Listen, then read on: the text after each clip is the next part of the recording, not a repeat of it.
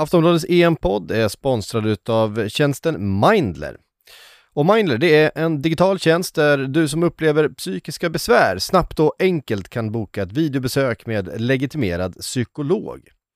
Mindler startades eh, med visionen att alla ska ha möjligheten att träffa en psykolog på lika villkor oavsett var du bor eller vilka ekonomiska förutsättningar man har.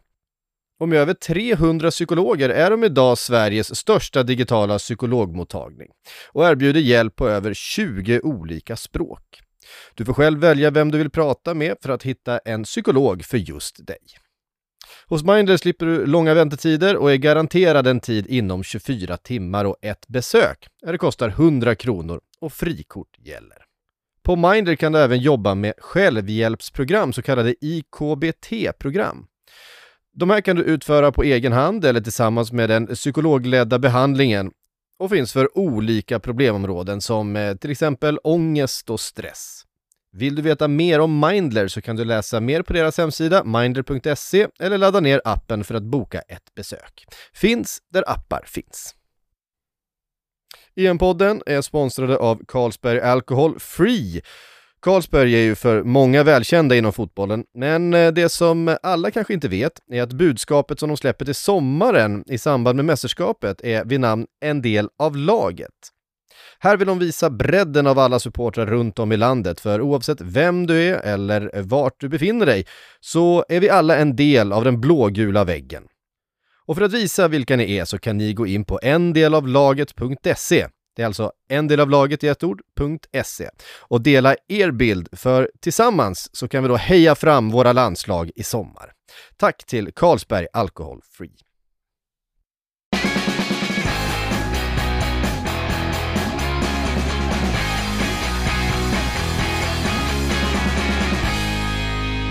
Då hälsar vi hjärtligt välkomna till EM-podden. Makoto och Frida finns med mig här idag för att diskutera Grupp B. Eh, grupp E där vi har den här nordiska uppgörelsen, Finland mot Danmark. Det känns som eh, två kusiner som inte eh, pratar med varandra så ofta. ja, så, så är det kanske. Jag är i och för sig mer eh, taggad på, eller taggad på, jag, jag, tycker väl att det finns lite mer symbolik i mötet mellan Finland och Ryssland. Men eh, absolut, man ser fram emot, det gör vi definitivt. Mm. ser fram emot Danmark också. Man hade velat ha Sverige i den här gruppen alltså. Jag tycker om den här gruppen på alla sätt och vis. Alltså, den, den är riktigt fin. Det är också att man ser så otroligt mycket fram emot att se Finland i ett EM. Bara det, de finska ugglorna som ska in. Bara det är ju otroligt häftigt tycker jag. jag vet den här inte, gruppen är ju kalas. Ja, men det, det, är någon, det är någonting med att liksom eh... Finland och Danmark liksom eh, känner Finland, eller Norge och Danmark känner Finland genom Sverige. Det är så det känns. Det är lite som att se, det, det, är lite, det är lite som att vara på ett släktkalas och så ser man liksom två kusiner ur olika delar utav ens släkt plötsligt står och pratar med varandra och man känner någon slags ansvar. Um, Lite så är det när, när, Finland och Danmark har med varandra att göra. Man, man, ser inte riktigt hur de ska mötas men, men det kommer de göra. De kommer göra det på parken i, i Köpenhamn.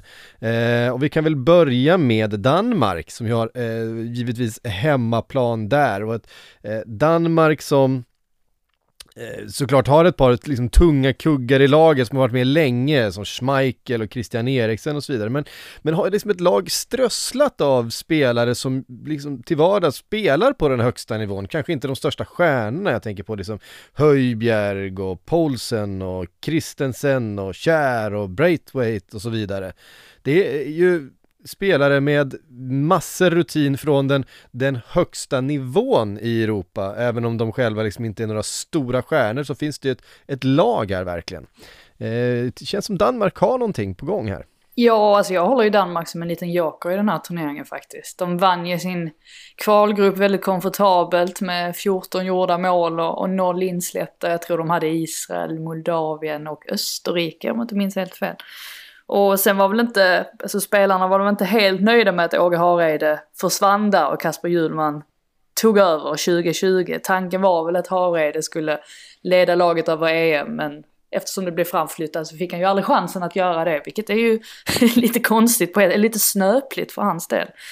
Eh, men jag håller med om att det finns många spelare som gör att man tänker att det här laget kommer gå långt, vilket de ju faktiskt gjorde i, i VM också.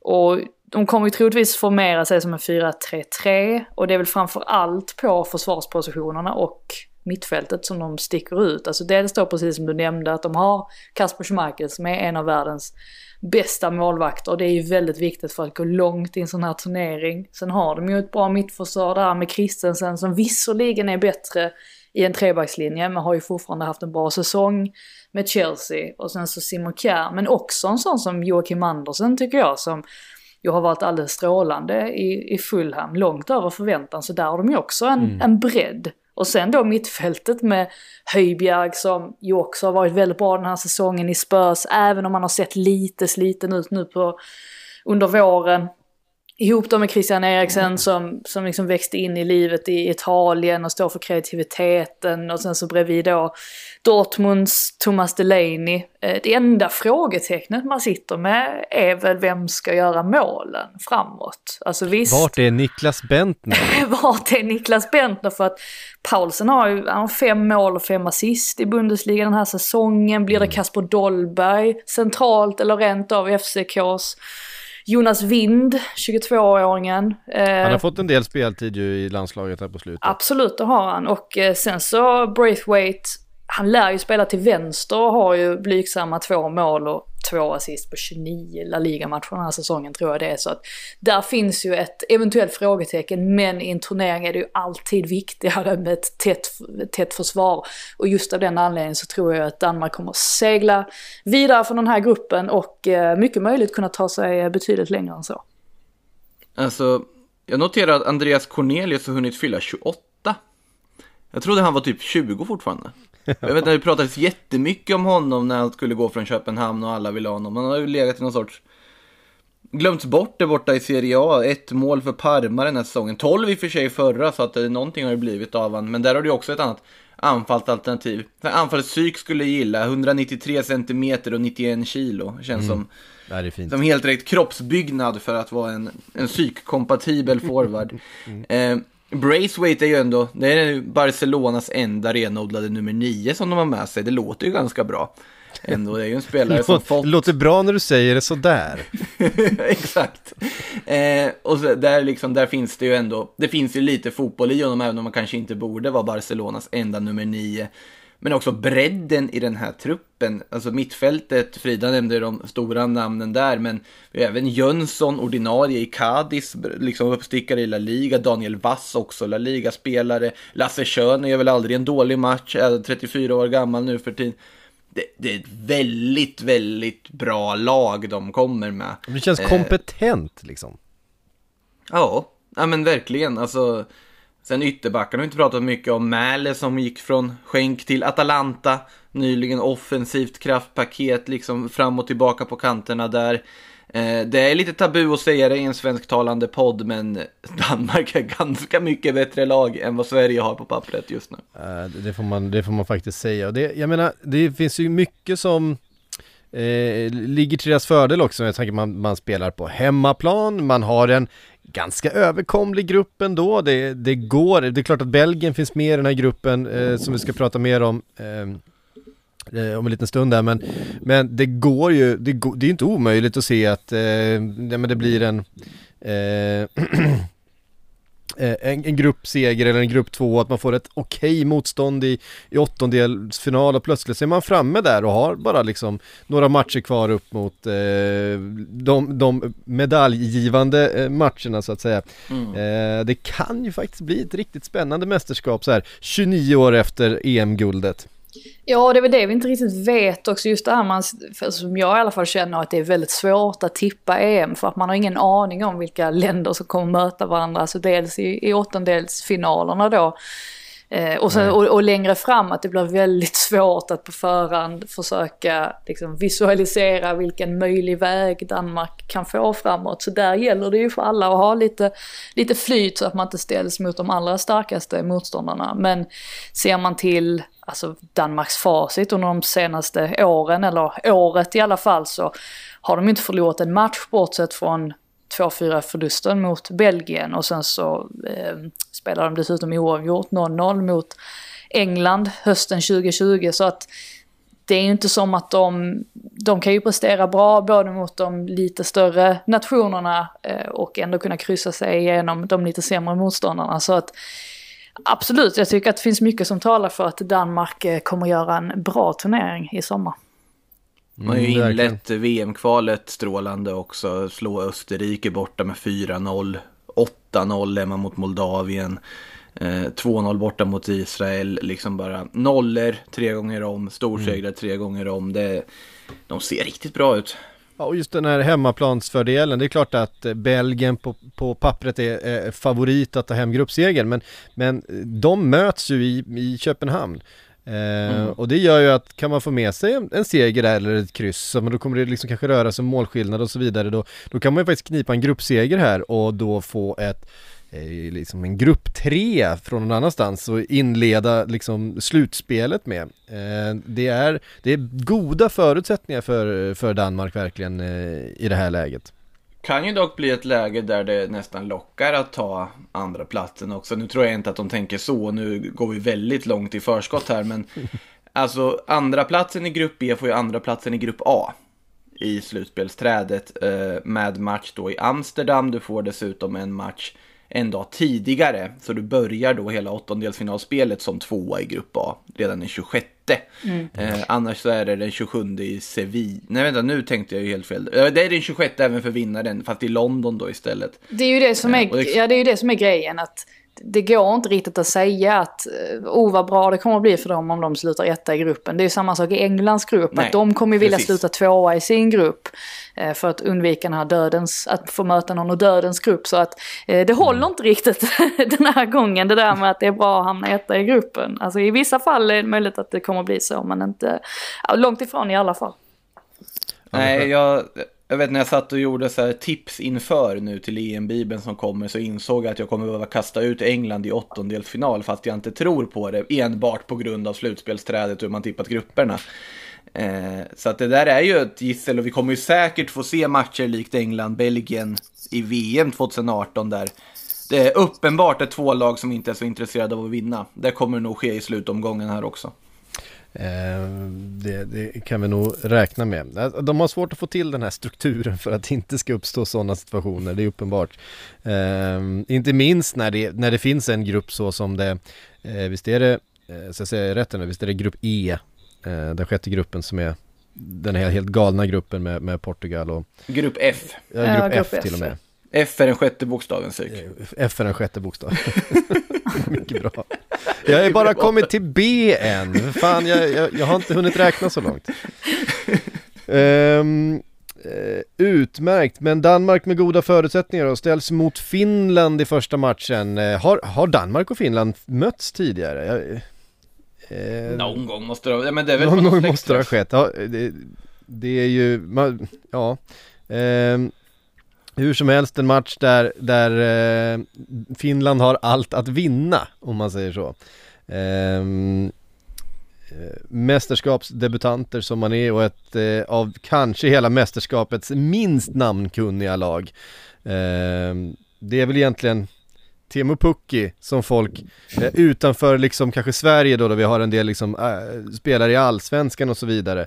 Ehm, så är det väl kanske Teemu Pukki som folk känner till. Ja, så är det väl. Ska, ska tillägga också att eh, Danmark och Finland mötte senast eh, i november 2011 i en vänskapsmatch.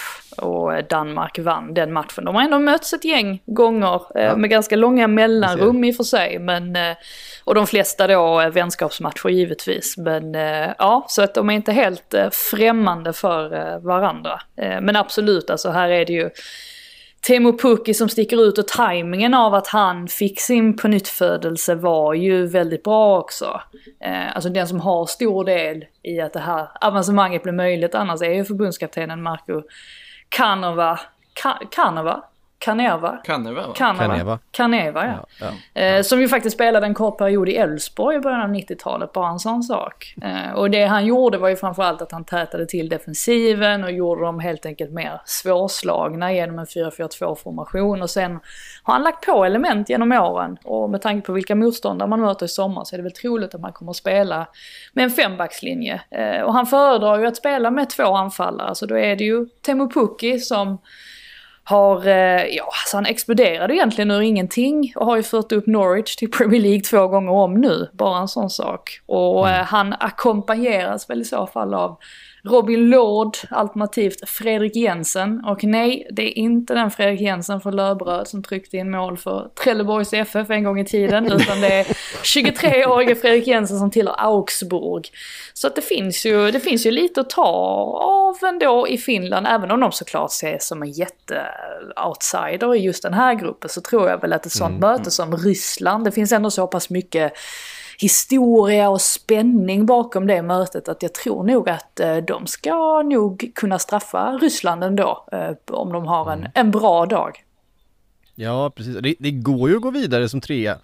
Eh, mm. ifrån gruppen så att eh, det vore ju, vore ju mäktigt och det hade ju också varit mäktigt. Nu möts de i andra matchen va? Så det inte, blir inte avgörande i tredje matchen här Precis. de dagarna emellan utan de möts i andra matchen och det, det är klart att det är ju den matchen man har liksom chans att att ta poäng i känns som för Finland har ju liksom arvfienden Ryssland. Den stora läskiga grannen i öst. Jag menar, de har ju mötts, eh, kanske inte så många gånger på fotbollsplanen som de har mötts på, på andra fronter genom åren. Det kommer bli känslosamt tror jag i, i Finland, just den matchen. Mm.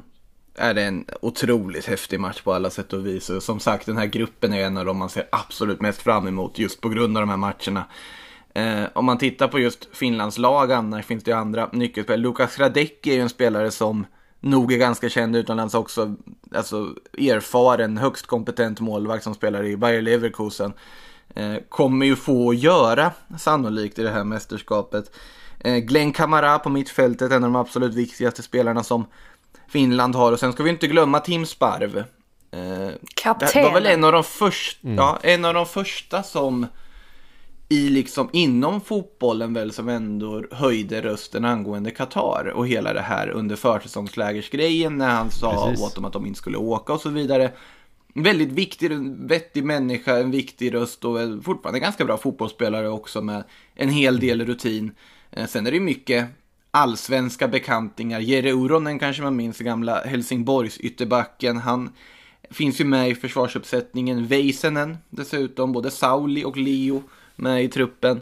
Eh, Schüller såklart i Djurgården och så vidare. Så att eh, är det ett lag Toivio, man... va? Toivio, är, är han med i truppen? Kanske han är.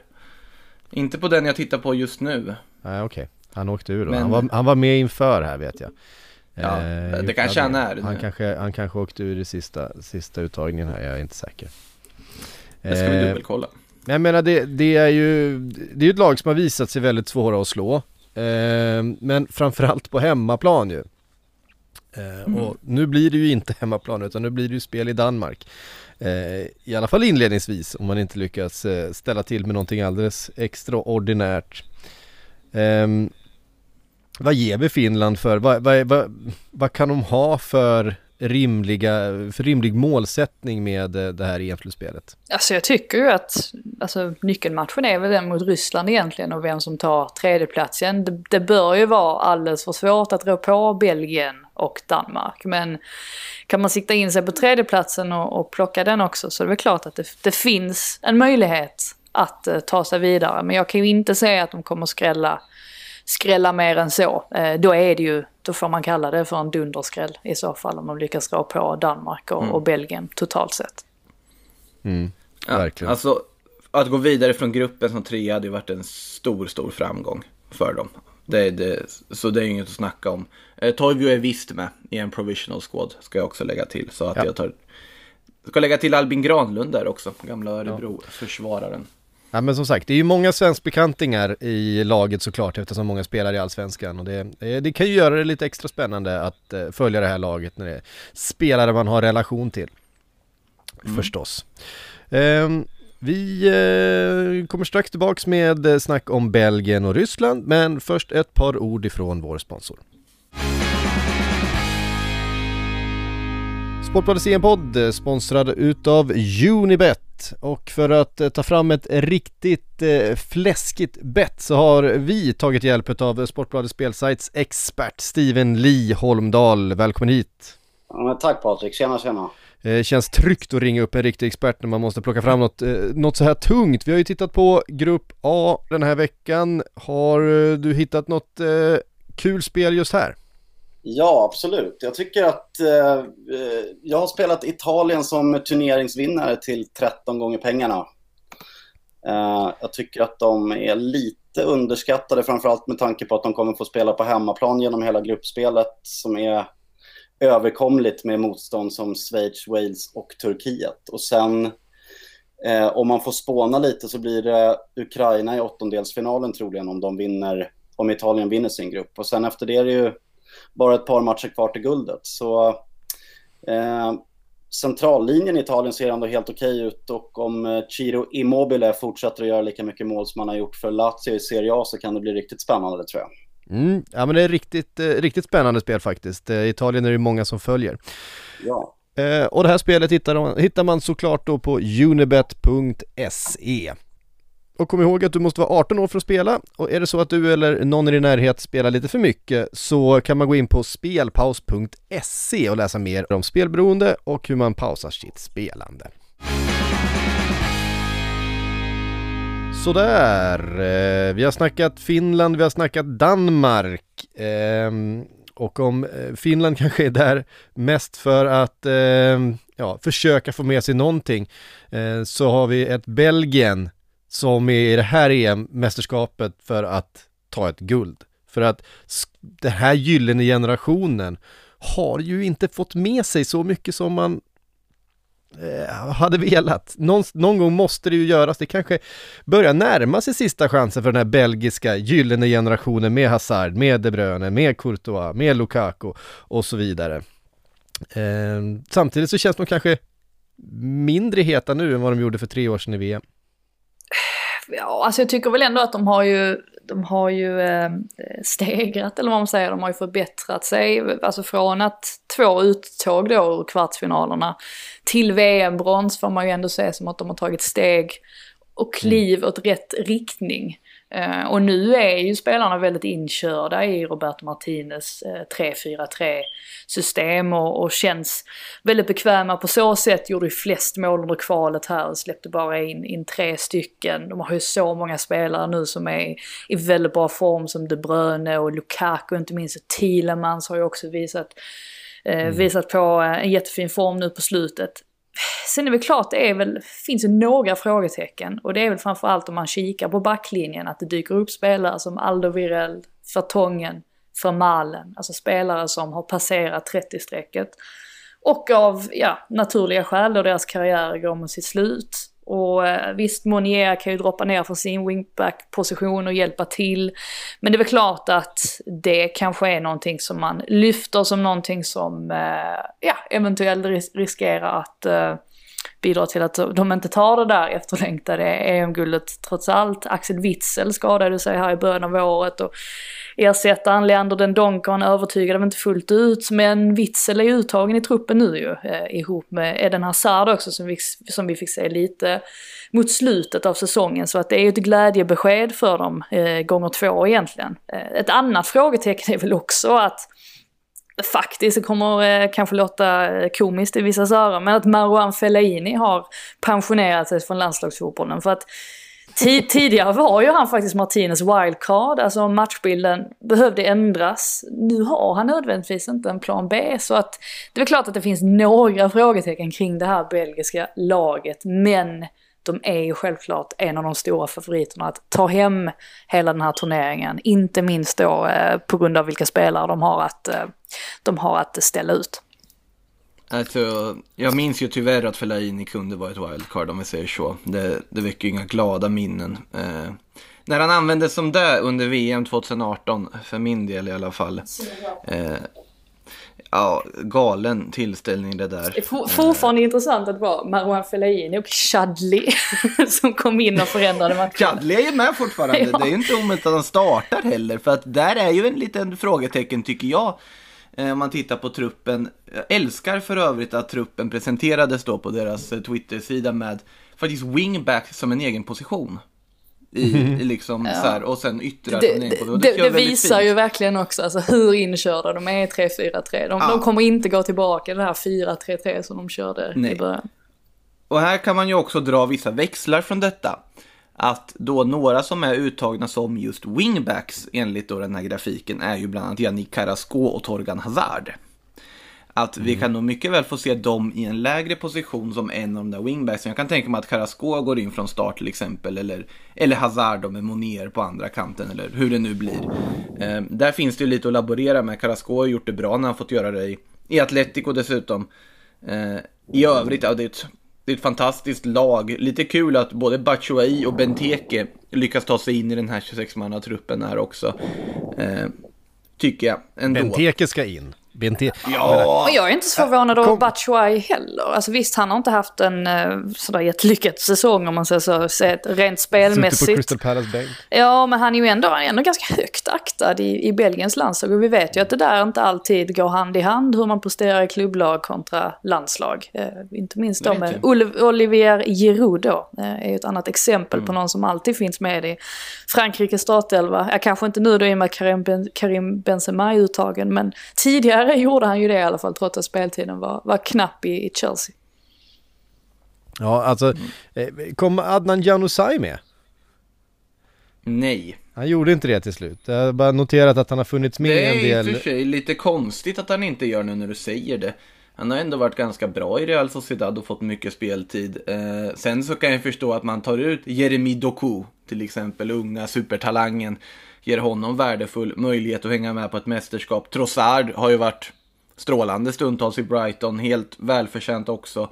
Så jag tror att det har med numerären att göra snarare än att Janusaj har, har underpresterat på något sätt. För det är väldigt svårt att slå sig in i det här laget, så enkelt är det ju. Ja men Belgien såklart är en av eh, huvudfavoriterna till, till hela mästerskapet. Frågan är bara, ska man få ihop det den här gången? Det var ju hyfsat nära ändå i, i eh, VM. Rätt, rätt små marginaler som avgjorde i slutändan. Vad, vad ger dem för chanser att, att gå hela vägen den här gången? Och ta det där guldet. En gyllene generation ska ju ha ett guld för att vara en riktigt gyllene generation. Ja. Ja, alltså jag har ju dem bland de eh, som så här, tycker det är så svårt att, tippa det här EMet. Men eh, jag har dem i alla fall med bland de fyra sista. Sen tror jag att det möjligtvis kan bli så att de snubblar på målsnöret i en eventuell semifinal igen. Just baserat på att Frankrike och Portugal i mitt tycke också har så otroligt starka lag. Eh, Men jag, jag, jag antar ju att vi kommer få se dem långt fram i, i turneringen. Deras högsta nivå är så pass hög och dessutom har de så många spelare som visserligen har spelat väldigt mycket och kanske är ganska slitna. Men ändå spelare som har presterat på en väldigt hög nivå. Så att jag förväntar mig att vi kommer att se dem långt fram i turneringen. Eden Hazard spelar ju för sin fotbollsframtid dessutom. Eh, på alla sätt och vis. Ja, vad, är det, vad är det för status på Eden Hazard just nu? Ja, det, är, det är ju en väldigt bra fråga. Statusen, om man tittar liksom rent mentalt i Real Madrid, verkar ju vara att han vill lämna klubben och att eh, Real Madrid vill att han ska lämna så fort som möjligt för någon form av ekonomisk ersättning. Tillbaka Eh, till Premier men- League kanske? Möjligtvis. Ja, han vill väl till Chelsea dykt upp lite uppgifter om. Eh, sen är frågan varför skulle Chelsea vilja ha honom? Vi diskuterade i Sillypodden annars kan ni lyssna på om just Eden lyssna på Hazard. Där man det även spekulerar i att han kommer att, hoppas att han kommer dra fram flaggan Belgium Burgers Madrid under mästerskapets gång. eh, Ja. Men eh, alltså annars fysiskt, han var inte med i sista truppen här nu när eh, La Liga avslutades. Han har varit skadad från och till hela tiden. Det hade inte förvånat om han då därför naturligtvis kommer vara frisk och kry och på i perfekt form under hela mästerskapet för att därefter gå sönder. Eh, men, men man borde ju tro att han inte skulle orka liksom köra fullt ut, men jag tror ändå att han borde vara tillbaka. Och han borde kunna spela. Hur, hur avgörande skulle ni säga att det är för Belgien att eh, Hazard är tillbaks och, och spelar alla de här matcherna och är i, i sin bästa form? Ja, alltså vi vet ju allihopa, alltså Eden Hazard när han var som bäst, eh, då får man ju tyvärr gå tillbaka till eh, Premier League-tiden eftersom att det inte har fallit sådär jätteväl ut i Spanien. Men då var ju han i mitt tycke alltså den, den överlägset bästa spelaren i, i ligan då. Alltså så bra vet vi ju att han kan vara. Så att sitta mm. på en sån spelare, det, det säger ju sig självt att lyckas han komma upp till den nivån då är han en fantastisk spelare att ha att, uh, ha att tillgå. Uh, men som sagt, stort frågetecken där kring huruvida han kan ta sig tillbaka till, till den nivån så här snabbt. Det fanns ju också, eh, vad ska man säga, en diskussion i alla fall eh, runt eh, men VM för tre år sedan då och även EM för fem år sedan att eh, det kunde vara svårt att spela med, eh, kanske framförallt i VM då, med både Hazard och De Bruyne tillsammans liksom på det där mittfältet. Båda två är ju, så, liksom, det är ju två superstjärnor som vill ha väldigt mycket boll och som vill att spelet på något sätt ska gå igenom dem och har ju lite olika sätt att, att spela anfallsfotboll på framförallt. Eh, kan det rent av vara en fördel för Belgien om det är nu så att Hazard har en lite mer tillbaka eh, dragen roll i den här truppen och i, i spelet som det är just nu eller? Ehm, alltså jag tror att... Är, bara, är det bara negativt att en, att en Eden Hazard inte är i, i liksom eh, högsta toppform?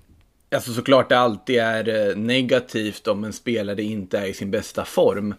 Eh, det tror jag oavsett om hur lagspelarna passar med varandra och så vidare. Men jag tror ändå att de kan vara ganska kompatibla på att Hazard opererar ju sällan i liksom centrala delar av banan, åtminstone inte det man sett i Madrid, så är han ju ofta ganska klistrad ute mot en vänster, vänsterkant. Eh, De Bruyne har väl lite mer bredare spektra av var han befinner sig på en fotbollsplan, men jag tror absolut de kan anpassa sig till varandra. Sen är också en aspekt som man måste nämna här, Romelu Lukaku på topp. Nu kommer det alltså en Lukaku som är, har otroligt gott självförtroende, mår väldigt bra, nybliven Serie A-mästare, gjort massa mål i Italien och ett positiv Romelu Lukaku kommer in i den här landslagssamlingen och även när han hade det lite tufft i England så såg han ju fortfarande strålande ut stundtals i landslaget där han alltid har haft en väldigt, lite friare roll än vad han kanske hade i England och har lite mer förtroende att göra lite annat än att bara vara en stoppkloss där framme. Eh, nu eh, det ska bli väldigt kul att se honom också, för det har han ju fått Inter med och det är en ofantligt bra fotbollsspelare. Så han är ju en, en högst trolig kandidat till en eventuell skytteligatitel, även om just i mästerskap så kan det vara den mest oväntade spelaren som vinner skytteliga bara på att göra fem mål. Så att om det är Nasser Chadli som vinner den så hade det kanske inte förvånat det heller. Men Lukaku är ju en av förhandsfavoriterna till den i alla fall. Ja, ehm, och sist i gruppen har vi Ryssland som eh, kommer väl få, få kriga med Finland om den där tredjeplatsen gissar vi. Men de har Juba längst fram som står och trycker Och det är inte så lite att ha det längst fram. Det är verkligen inte så lite att ha. Då spelar det knappt, nästan ingen roll vem som står där bakom och bara lastar in bollarna på honom för att, för att Juba kommer göra mål för det gör han alltid. Ja, mm. men sen det gynnade väl antagligen dem inte att, uh, att turneringen flyttades fram ett år. Alltså framförallt eftersom det ju blir svårare att hålla i det här momentumet man skaffade sig under VM när man när man gick eh, mycket längre än vad, vad folk hade trott, nådde kvartsfinal, överträffade allas förväntningar.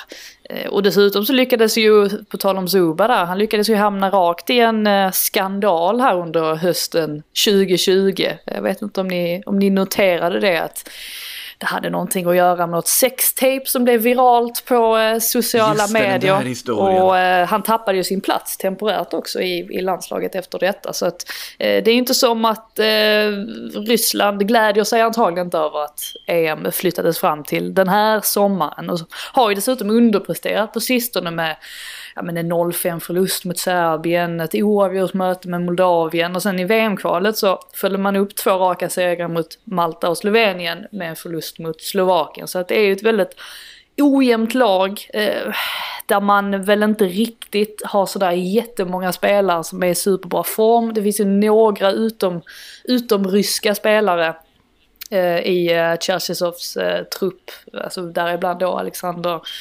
Golovin givetvis som fick sin flytt till Monaco efter succén i VM. Um, ehm, men ja, många av de här spelarna har väl inte gjort sådär jättestora avtryck så att det är väl inte som att man sitter och tror att Ryssland ska kunna återupprepa det de gjorde eh, på hemmaplan eh, 2018 och dessutom har de ju faktiskt underpresterat ganska ofta i EM med undantag då för den här fruktansvärda turneringen 2008 eh, då de stötte på Sverige och körde ut oss också. Mm. Alltså, Cheryshev är ju en annan sån spelare som vi minns från förra VM. Eh, Golovin såklart också. Det finns ju en del spelare som kan verkligen bli så här mästerskapsgubbar. Om Cheryshev skulle plötsligt... Har Cheryshev fått spela med Real Madrid än? ja, Cheryshev har ju hamnat i Valencia nu. Han har ju varit där i tre år. Eh, varit lite ut och in i startelvan. Det säger väl en del om hur Cheryshevs karriär har varit med tanke på att han faktiskt är kvar i Valencia. Eh, och inte såld någonstans. 呃 det roligaste med Cheryshev är ju fortfarande den där historien när han väl fick spela för Real Madrid, som han ju är fostrad i och spelat i ungdomslagen och så vidare. När han väl fick chansen mm. i en kuppmatch, han gör mål, han är överlycklig, allt går bra. Men det visar sig att han var avstängd i den matchen för ett gult kort för Villarreal året innan och Real Madrid blev då utslängda ur Copa del Rey 2015-16 och fick en 0-3 förlust mot Cadiz. Eh, det är ungefär det Cheryshev är känd för i Real Madrids A-lagströja. Mm.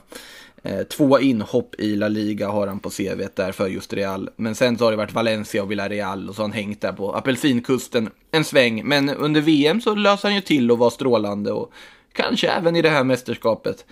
Eh, I övrigt, Mario Fernandes, högerback där också, lär ju vara viktig för det här laget. Sen är det ju mycket rutin i laget rakt över också. Många spelare som är samspelta i Ryssland och så vidare. Och det är ju lagmaskinen som är det viktiga här om de ska kunna gå långt och överraska. Jag tror ju att om man ska hitta en skräll så är det ju att Finland tar tredjeplatsen över Ryssland. Frågan är hur mycket skräll det egentligen är sett till hur Ryssland faktiskt ser ut. Nej, precis. Nej, det är ju Juba som ska göra det i sådana fall.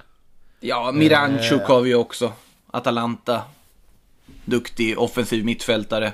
Inte riktigt lika bra som sin ukrainska Atalanta-kollega Malinovski, men fortfarande en bra fotbollsspelare.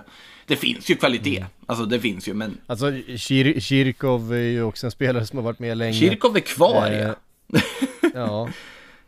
Eh, han, alltså, vad är han nu? Du vet, 37 år ah. gammal, han har, gjort, han har gjort några runder i en sån spelare som i ett EM eh, kommer vara supernyttig, för han han vet vart bollen ska, den ska upp i luften och på 197 cm Jubas panna. Eh, det är dit den ska. Finns det Mostovoj i eh. truppen? Det är lite fint. Ni minns ni Alexander Mostovoj, tsaren som spelar för Celta Vigo där vid millennieskiftet? Fantastisk fotbollsspelare. Skämtar ni? Minns ni inte Mostovoj? Mostovoj och Karpin, klassiska Celta Vigo duon. Eh, de har en Andrej Mostovoj med nu. Det är inte Alexander Mostovoj, men eh, likväl en Mostovoj och det gör en glad att se en rysk landslagstrupp. Ja, ehm, ger, ni några, Ryssland några som helst chanser att skrälla likt som de gjorde för tre år sedan? Nej, eh, alltså det, det kan jag inte tänka mig. Jag är ganska så, ehm, eh, alltså när man tittar på det här laget så man går inte igång sådär jättemycket. Det gjorde man väl i och för sig inte inför hemmamästerskapet heller. Men det är ju lite annorlunda att, att spela ett mästerskap på hemmaplan. Visst, de har ju någon match här som de får spela i Sankt Petersburg och det är ju i princip som att det är på hemmaplan. Men jag kan väl inte riktigt säga att, att Ryssland kommer skrälla likt man eh, gjorde då. Nej. Um, så är det. Där hade ni grupp B. Um, då får ni ändå, när vi avslutar här, ge er ett eh, tips för hur den här gruppen slutar. Makoto, du får börja. Eh, jag säger Belgien, Danmark, Finland, Ryssland i den ordningen. Belgien... Och med Finland då uh. som en trea som går vidare, ska läggas till också. Mm, jag... Du har alltså Finland vidare till en ja, men något, Ja, jag hoppas. Jag hoppas verkligen de gör det. Ja, man hoppas.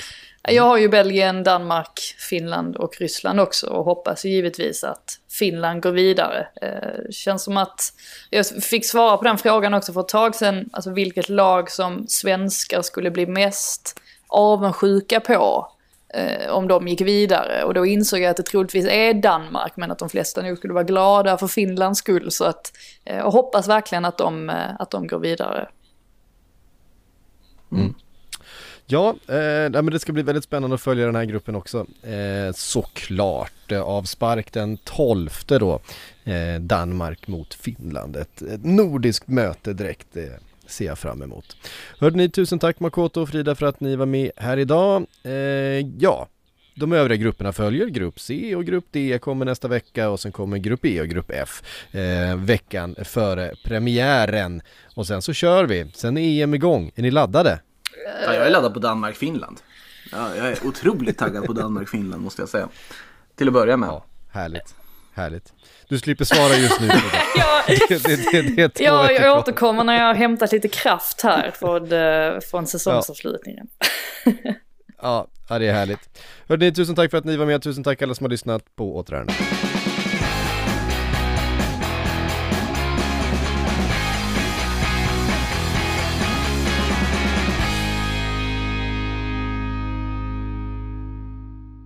Du har lyssnat på en podcast från Aftonbladet. Ansvarig utgivare är Lena K Samuelsson.